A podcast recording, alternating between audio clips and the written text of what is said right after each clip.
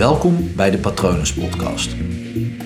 Mijn naam is Paul Vet en in deze podcast deel ik inspiratie voor een leven vol vrijheid en verbinding.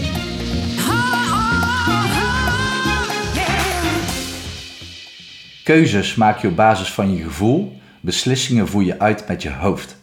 Toen ik in juli 2000, en dan moet ik het goed zeggen, 2017 op zoek was naar een andere plek om te wonen. Ik woonde echt eigenlijk best wel heel vet, want ik woonde op een boerderij in een plaatsje ook naast Breda in Teteringen.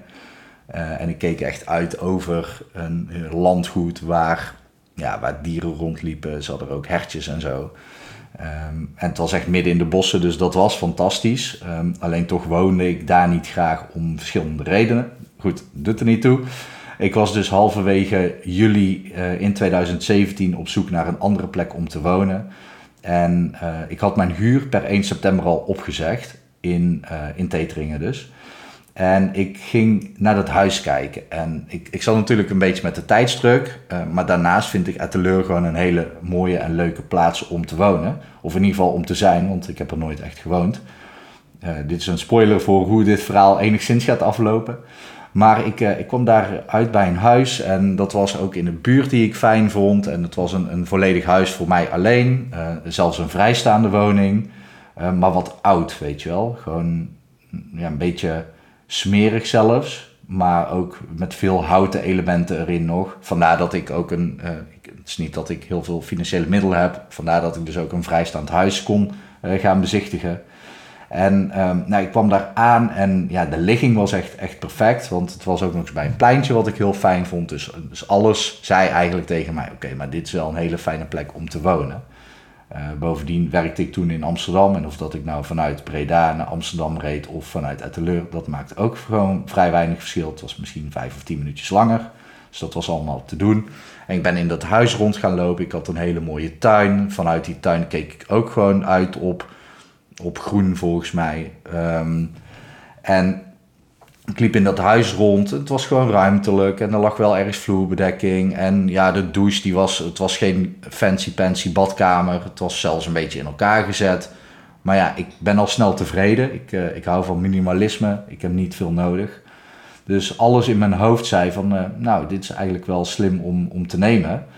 Uh, ook met die tijdsdruk achter me van ja, maar als ik hier in september in kan, dan is dat top. Want mijn andere appartement heb ik al opgezegd per 1 september. Dus uh, ja, misschien moet ik die keuze maar gewoon maken.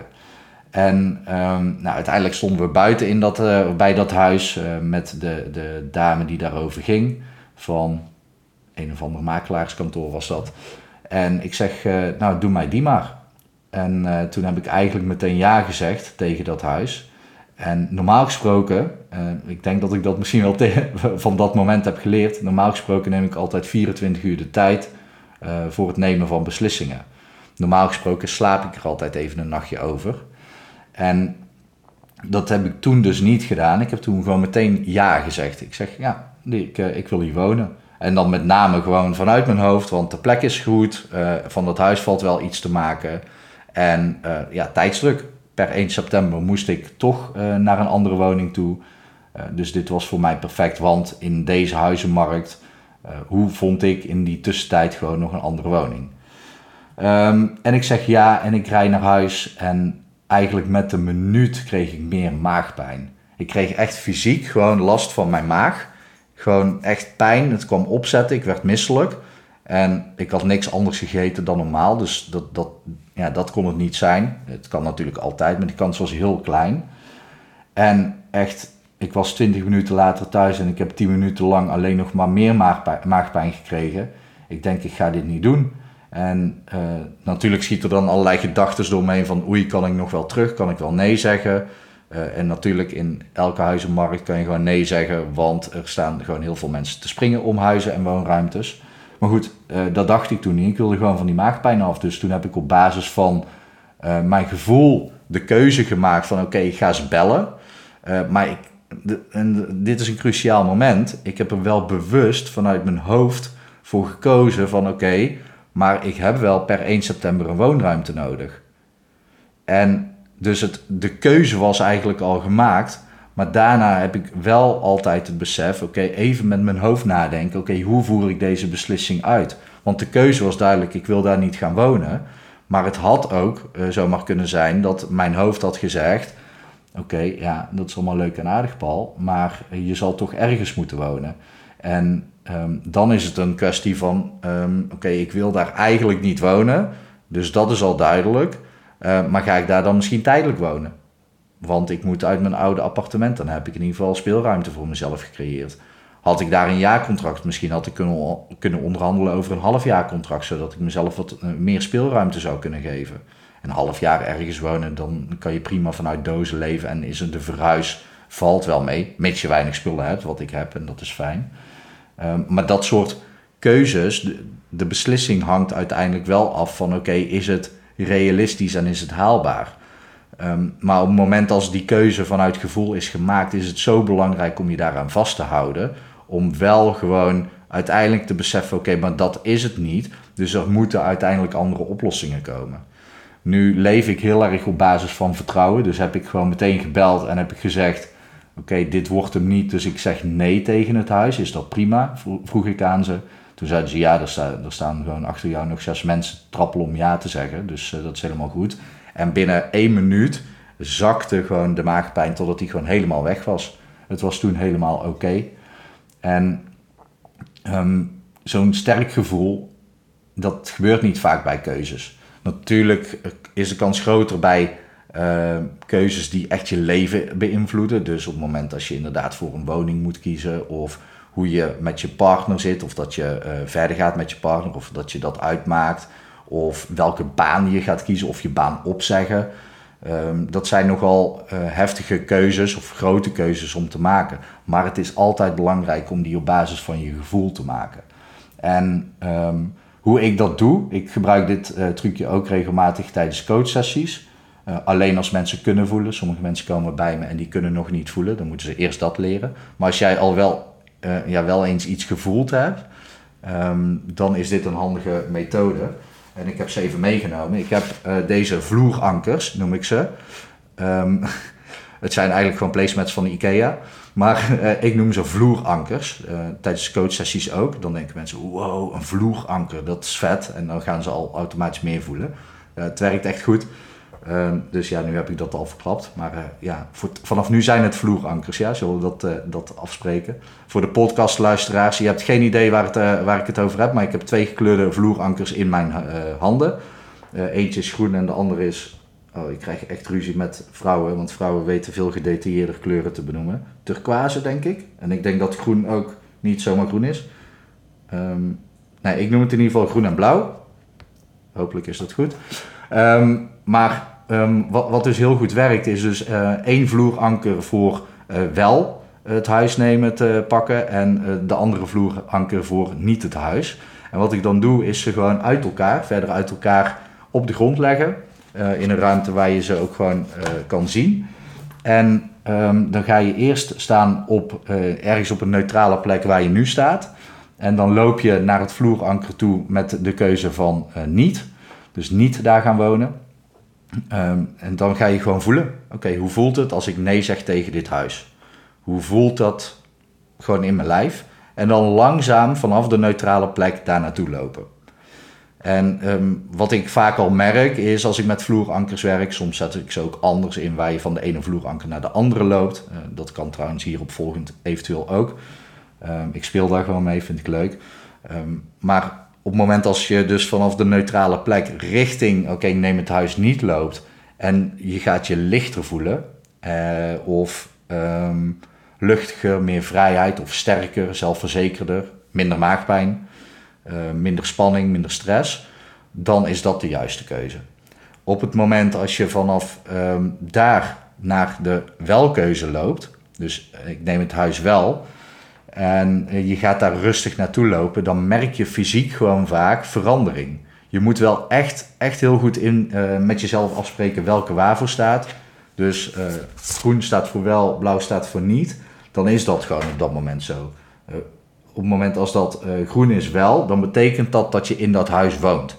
Dat is het gevoel wat je moet oproepen. Stel dat ik in dat, in dat huis woon. Dus je, je kiest een punt voor na de beslissing. Ehm, ik merk dat ik nu eigenlijk in deze podcastaflevering best wel veel uh, weggeef. Maar goed, ehm, misschien is dat niet zo slim. Maar op basis van mijn gevoel neem ik nu uh, met mijn hoofd de beslissing om uh, het toch gewoon verder uit te leggen. Um, en op het moment dat je dus op ik kies niet voor het huis staat, dan voel je dus, nou in mijn geval, in mijn voorbeeld, had ik me dan echt heel krachtig en zelfverzekerd gevoeld en vrij en rustig en kalm. En op het moment als ik dan vanuit um, dat vloeranker naar het andere vloeranker zou lopen, dan zou, eh, zou ik dus steeds weer meer maagpijn krijgen. Uh, maar je kan dus ook meer spanning, uh, stress en andere vormen van gevoel in je lijf krijgen. Nu is er wel een heel belangrijk ding bij. Want sommige beslissingen zijn namelijk gewoon spannend, omdat je geest het spannend maakt. Omdat um, ja, je ego is het eigenlijk zelfs. Um, die maakt het spannend. Terwijl het uiteindelijk niet spannend is. Daarom twijfelde ik net of dat ik hem verder uit moest leggen. Maar dat ga ik wel doen. Het is belangrijk om de beweging af te maken. Dus stel je staat op de groene vloeranker. En dat is de keuze voor niet het huis. En je gaat naar, uh, welke kleur had ik, blauw. Uh, naar het blauwe vloeranker lopen. Dan kan het zijn dat, um, en dit gebeurt met name wanneer het blauwe vloeranker wel de juiste keuze is. Um, dus even terug naar het voorbeeld. Um, groen stond voor wel.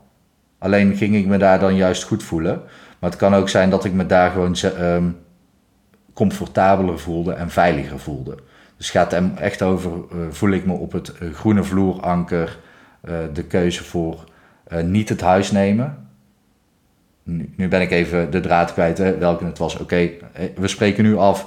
Het vloeranker staat voor niet het huis nemen. Um, het kan ook zijn dat dat gewoon comfortabeler voelde voor mij, uh, omdat daar misschien wat, uh, omdat ik dat spannend had gevonden om wel voor het huis te kiezen. Dus op het moment als ik dan um, het blauwe vloeranker zou nemen voor wel het huis, het huis kiezen, dan kan het zijn dat zodra ik van niet het huis kiezen richting, langzaam richting het wel het huis kiezen loop, dat ik juist meer spanning opbouw. Dat ik gewoon echt uh, ja, steeds meer stress en druk ervaar naarmate ik dichter bij het vloeranker kom om wel het huis te kiezen. Maar je moet de beweging altijd afmaken, want het kan zijn dat als het gewoon een spanning is vanuit um, angst, en echt letterlijk gewoon angst, vanuit um, buiten je comfortzone stappen, dan zal je merken dat zodra je de laatste of misschien de laatste twee stapjes maakt richting wel het huis nemen, dat alles van je afvalt. Snap je dit? Uh, ik hoop dat het een beetje duidelijk is, want het was totaal niet de bedoeling dat ik dit zou uitleggen. Um, dus als je die beweging maakt van niet het huis naar wel het huis, dan kan het zijn dat je naarmate je dichter bij wel het huis nemen komt, dat je uh, meer spanning gaat ervaren. Maar zodra je de laatste of de laatste twee stappen zet, dat alle spanning juist van je afvalt en dat je je daar gewoon echt geweldig voelt voor wel het huis kiezen. Daarom is het belangrijk om altijd de beweging af te maken en echt daadwerkelijk op het anker te gaan staan. En dit niet snel te doen, niet snel lopen, alles rustig, gewoon ervaren wat er in je lijf gebeurt. Dus ik heb eigenlijk uh, twee, twee dingen weggegeven. Maar op het moment als, de, als dat dus is gebeurd en je weet welke keuze je moet maken, is het super belangrijk om met je hoofd de beslissing uit te voeren. Want soms voelt een keuze goed, maar een impulsieve beslissing kan ook gewoon grote gevolgen hebben voor je leven. Bij het uh, maken van de keuze moet je wel beseffen dat ja, die keuze is de juiste keuze. Maar hoe, hoe je daar naartoe gaat, dat doe je met je hoofd. Maar je hebt die keuze gemaakt. Dus je hebt de beslissing genomen, vandaar dat ik dat niet zeg, um, om het makkelijker te houden. Maar je neemt uiteindelijk die beslissing op basis van gevoel. Dus je kiest en je neemt de beslissing op basis van gevoel. Maar hoe je naar dat uiteindelijke eindpunt gaat komen, dat voer je uit met je hoofd. Dan is het belangrijk om even na te gaan denken. Zoals in mijn geval, ik moest wel even goed nadenken of dat het wel slim was om ongeveer zes weken voordat ik uit mijn huidige appartement moest, toch nog nee te zeggen tegen een woning. En de vraag is of dat sommige mensen dat uh, slim zouden uh, vinden. Mijn vader zou dat echt rete onverstandig vinden. die zit gelukkig anders in elkaar dan ik. Ehm, ik leef mijn leven op basis van vertrouwen. En ik had dus het vertrouwen dat mijn keuze en mijn maagpijn alles tegen me zei. Waardoor ik nu in dit huis, waar, ja, wat je nu op de video ziet, uh, woont. Ehm, drie weken voor, voor 1 september had ik een bezichtiging in dit huis. Omdat ik een techniek van Max Verstappen heb geleerd om heel snel te reageren op uh, alles. hij gebruikt het om voor zijn Formule 1 starts. Ik heb het toen gebruikt om mijn woning uh, te krijgen. Om als eerste bovenaan te staan. mocht je dat weten, moet je het me even vragen. Misschien leg ik nog wel een keertje uit. Ah, Trouwens, nu ik toch bezig ben. Sorry, deze aflevering wordt echt kei lang, maar misschien heb je er iets aan. Uh, Max Verstappen is Formule 1 coureur, uh, mocht je het niet weten. En bij Formule 1 is de start uh, ja, heel erg belangrijk. Niet het allerbelangrijkste, maar, of tenminste niet als enige het belangrijke. Maar de start, hoe je de start maakt, is gewoon super belangrijk. Excuus. Um, de start hoe dat werkt is dat er vijf lichten gaan branden. Volgens mij eh, per seconde. Die gaan dus aan. 1, 2, 3, 4, 5. En dan duurt het en tussen de volgens mij 0 en 2,5 seconden voordat alle lichten in één keer uitgaan. En op het moment dat alle lichten uitgaan, dan mag je gas geven. Dus eerst gaan er uh, in 5 seconden tijd 5 lampen aan na elkaar. En zodra die laatste aan is, duurt het, uh, ja, wat ik pin me er niet op vast, 2,5 seconden voordat ze uitgaan. En dat, dat uh, die window tussen 0 en 2,5 seconden, iemand drukt letterlijk uh, zelf op een knop wanneer dat, dat gebeurt. Dus dat is nooit exact op hetzelfde moment. En zodra ze uitgaan, mag je gas geven. En wat hij een keer heeft verteld, is dat hij zodra de, volgens mij derde of vierde lamp aangaat, neemt je een diepe ademteug. En houdt hij zijn adem in. Want op het moment dat jij je adem inhoudt, dan vertraagt de tijd. Probeer maar eens. Dan zal je merken dat, en dat is niet omdat ik opeens stil ben waardoor het eh, meer opvalt, maar je zal merken dat dingen langzamer lijken te gaan. Ehm, dus als je, uh, ik zit nu te, te, bedenken, als je heel je leven je adem in zou kunnen houden, dan leef je dus twee keer zo lang of zo. nou ja, op dat moment uh, ben je dus gewoon veel meer gefocust. Het schijnt zo ook te werken als je, uh, ik ken iemand die aan pijl- en boogschieten doet. Ik zal dat eens aan, aan haar vragen. Maar op dat moment dan, heb je, dan, dan zit je in de zone van focus. Dan heb je echt even hyperfocus. En die methode heb ik dus toegepast op het reageren op mijn huis. Um, de woningmarkt werkte hier toen in Breda zo dat om 7 uur zou het huis vrijkomen waar ik nu dus in zit. En um, dan was het op basis van de eerste reageren. Ik dacht, oké, ik ga die Formule 1 techniek toepassen om in dit huis te komen. En ik had dus een uh, wekker gezet op 5 voor 7, zodat ik uh, ruim op tijd even kon installeren. Zorg dat mijn internetverbinding goed was, uh, goed de website openzetten. En zodra het 1 voor 7 zou zijn, zou ik een timer starten van 60 seconden. Want dan wist ik precies wanneer het 7 uur zou worden. Dus ik zat om 18 uur 58 naar mijn laptopschermpje te kijken, um, totdat het 59 zou worden. Uh, nou, ik wist ongeveer, ik hield het steeds wel een beetje in de gaten, dus ik wist wanneer dat zou gebeuren. Oké, okay, 59, ik start een timer.